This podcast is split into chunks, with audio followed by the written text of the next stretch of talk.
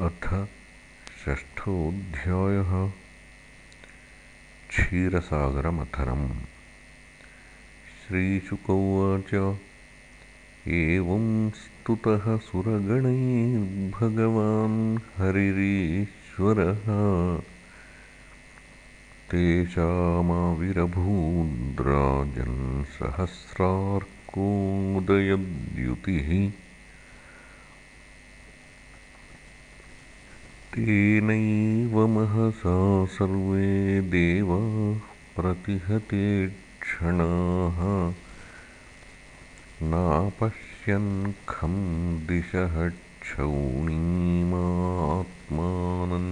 च कुतो विभुम्। विरिञ्चो भगवान् दृष्ट्वा सह शर्वेण तां तनुम् स्वच्छां मरकतश्यामां कञ्जगर्भारुणेक्षणाम् तप्तहेमावदातेन लसत्कौशेयवाससा प्रसन्नचारुसर्वाङ्गीं सुमुखीम् सुन्दरभ्रुवं महामणिकिरीटेन केयूराभ्यां च भूषिताम् कर्णाभरणनिर्भातकपोलश्रीमुखाम्बुजाम् काञ्चीकलापवलयहारनूपुरशोभिताम् कौस्तुभाभरणां लक्ष्मीं बिभ्रतीं वनमालिनीम् सुदर्शनादिभिः स्वास्त्रैः मूर्तिमद्भिरुपासिताम्। तुष्टावदेव प्रवरः सशर्वः पुरुषं परम्।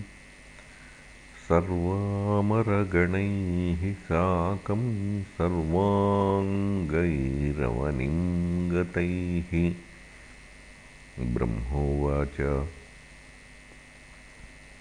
अजातजन्मस्थितिसंयमायागुणाय निर्वाणसुखार्णवाय अणोरणिम्ने परिगण्यधाम्ने महानुभावाय नमो नमस्ते। रूपं तवैतत् पुरुषर्षभेज्यं श्रेयोर्थिभिर्वैदिकतान्त्रिकेण योगेन धातः सह नस्त्रिलोकान् पश्याम्यमुष्मिन्नु हविश्वमूर्तौ। त्वय्यग्र आसीत् त्वयि मध्यासीत् त्वय्यन्तासीदिदमात्मतन्त्रे त्वमादिरन्तो जगतोऽस्य मध्यं घटस्य मृत्स्नेव परः परस्मात्। त्वं माययात्माश्रयया स्वयेदं निर्मायविश्वं तदनुप्रविष्टः पश्यन्ति युक्ता। मनसा मनीषिणो गुणव्यपायेऽप्यगुणं विपश्चितः। यथाग्निमेधस्यमृतं च गोषु भूयन्नमम्बूद् विद्यमने च वृत्तिम् योगैर्मनुष्याधियन्ति हि त्वाम् गुणेषु बुद्ध्या कवयो वदन्ति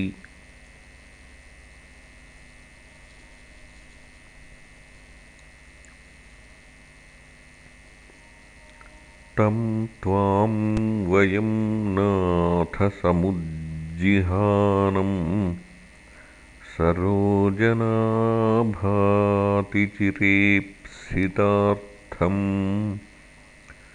दृष्ट्वा गता निर्वृतिमद्य सर्वे गजादवार्ता इव गाङ्गमम्भः सत्वं विधत्स्वाखिललोकपालाः। वयं यदर्थास्तव पादमूलम् समागतास्ते बहिरन्तरात्मन्। किं वान्यविज्ञाप्यमशेषसाक्षिणः अहं गिरित्रश्च सुरादयो ये दक्षादयोऽग्नेरिव केतवस्ते किं वा विदामेश पृथग्विभाताः? विधत्स्व शं नो द्विजदेवमन्त्रम् श्रीशुकोवाच।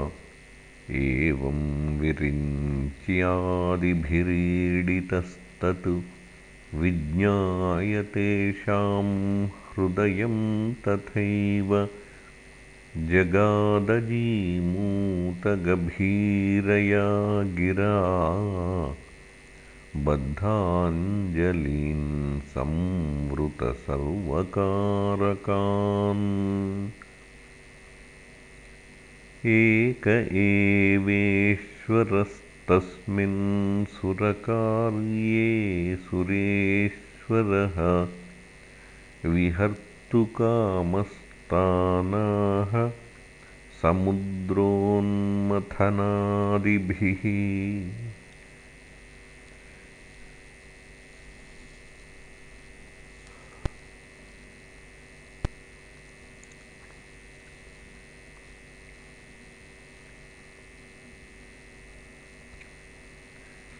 श्रीभगवानुवाच। हन्तब्रह्मन्नहोशम्भो हे देवा मम भाषितम् शृणुतावहिताः सर्वे श्रेयो वः स्याद्यथासुराः यातदानवदैतेयैस्तावत्सन्धिर्विधीयताम् कालेनानुगृहीतैस्तैर्यावद्वो भव आत्मनः। अरयोऽपि हि सन्धेयाः सति कार्यार्थगौरवे अहिमूषिकवद्देवा ह्यर्थस्य पदवीं गतैः। अमृतोत्पादने यत्नः क्रियतामविलम्बितं यस्य पीतस्य वै जन्तुर्मृत्युग्रस्त तोमरो भवेत् क्षिप्त्वा क्षीरोदधौ सर्वा वीरुतृणलतौषधीः मन्थानं मन्दरं कृत्वा मित्रं कृत्वा च वासुकिम् सहायेन मया देवा निर्मन्थध्वमतन्द्रिताः। क्लेशभाजो भविष्यन्ति दैत्यायूयं फलग्रहाः। यूयं तदनुमोदध्वम् यदिच्छन्त्यसुराः न संरम्भेण सिद्ध्यन्ति सर्वेऽर्थाः सान्त्वया यथा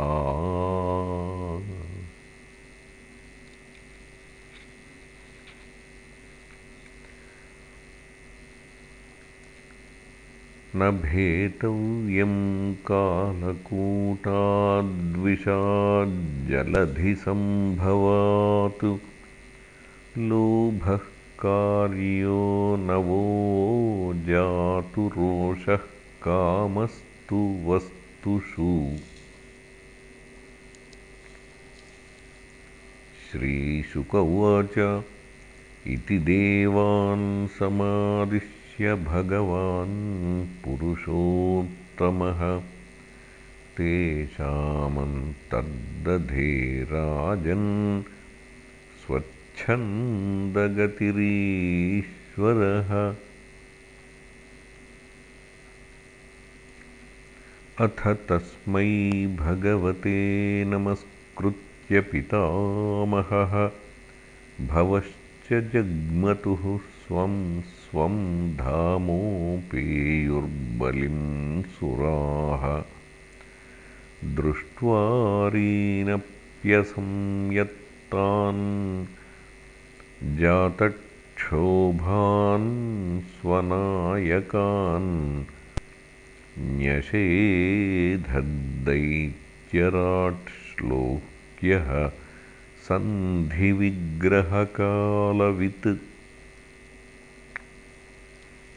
ते वैरोचनिमासीनं गुप्तं चासुरयूथपैः श्रिया परमया दुष्टं जिताशेषमुपागमन्। महेन्द्रः श्लक्ष्णया वाचा सान्त्वयित्वा महामतिः अभ्यभाषत तत्सर्वं शिक्षितं पुरुषोत्तमात्। तदरोचतदैत्यस्य तत्रान्ये ये सुराधिपाः शम्बरोरिष्टनेमिश्च ये च त्रिपुरवासिनः।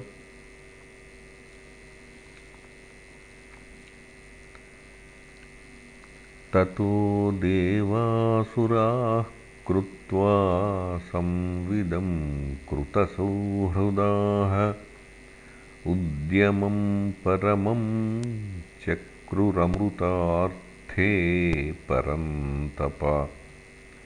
ततः ते मन्दरगिरिमोजसोत्पाट्यदुर्मदाः नदन्त उदधिं निन्युः शक्ताः परिघबाहवः।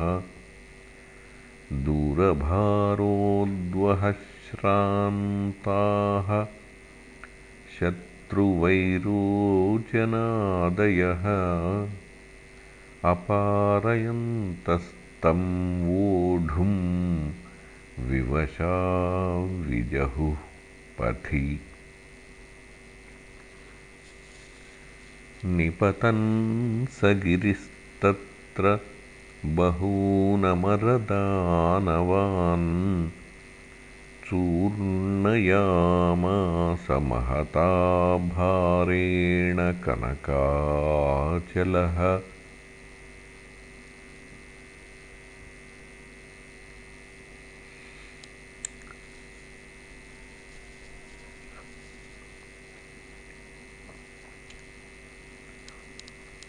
तांस्तथा भग्नमनसो भग्नबाहूरुकन्धरान्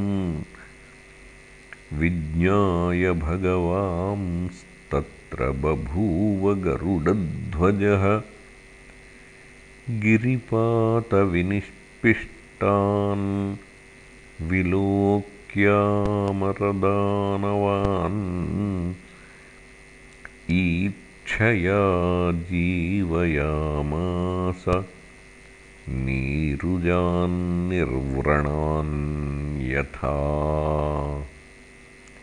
गिरिञ्चारोप्यगरुडे हस्तेनैकेन लीलया। आरुह्य प्रययावब्धिं सुरासुरगणैर्वृतः अवरोप्यगिरिं स्कन्धात् सुपर्णः पततां वरः। ययौ जलान्त उत्सृज्य हरिणा स विसर्जितः इति श्रीमद्भागवते महापुराणे पारमहंस्यां संहितायाम् अष्टमस्कन्धे षष्ठोऽध्यायः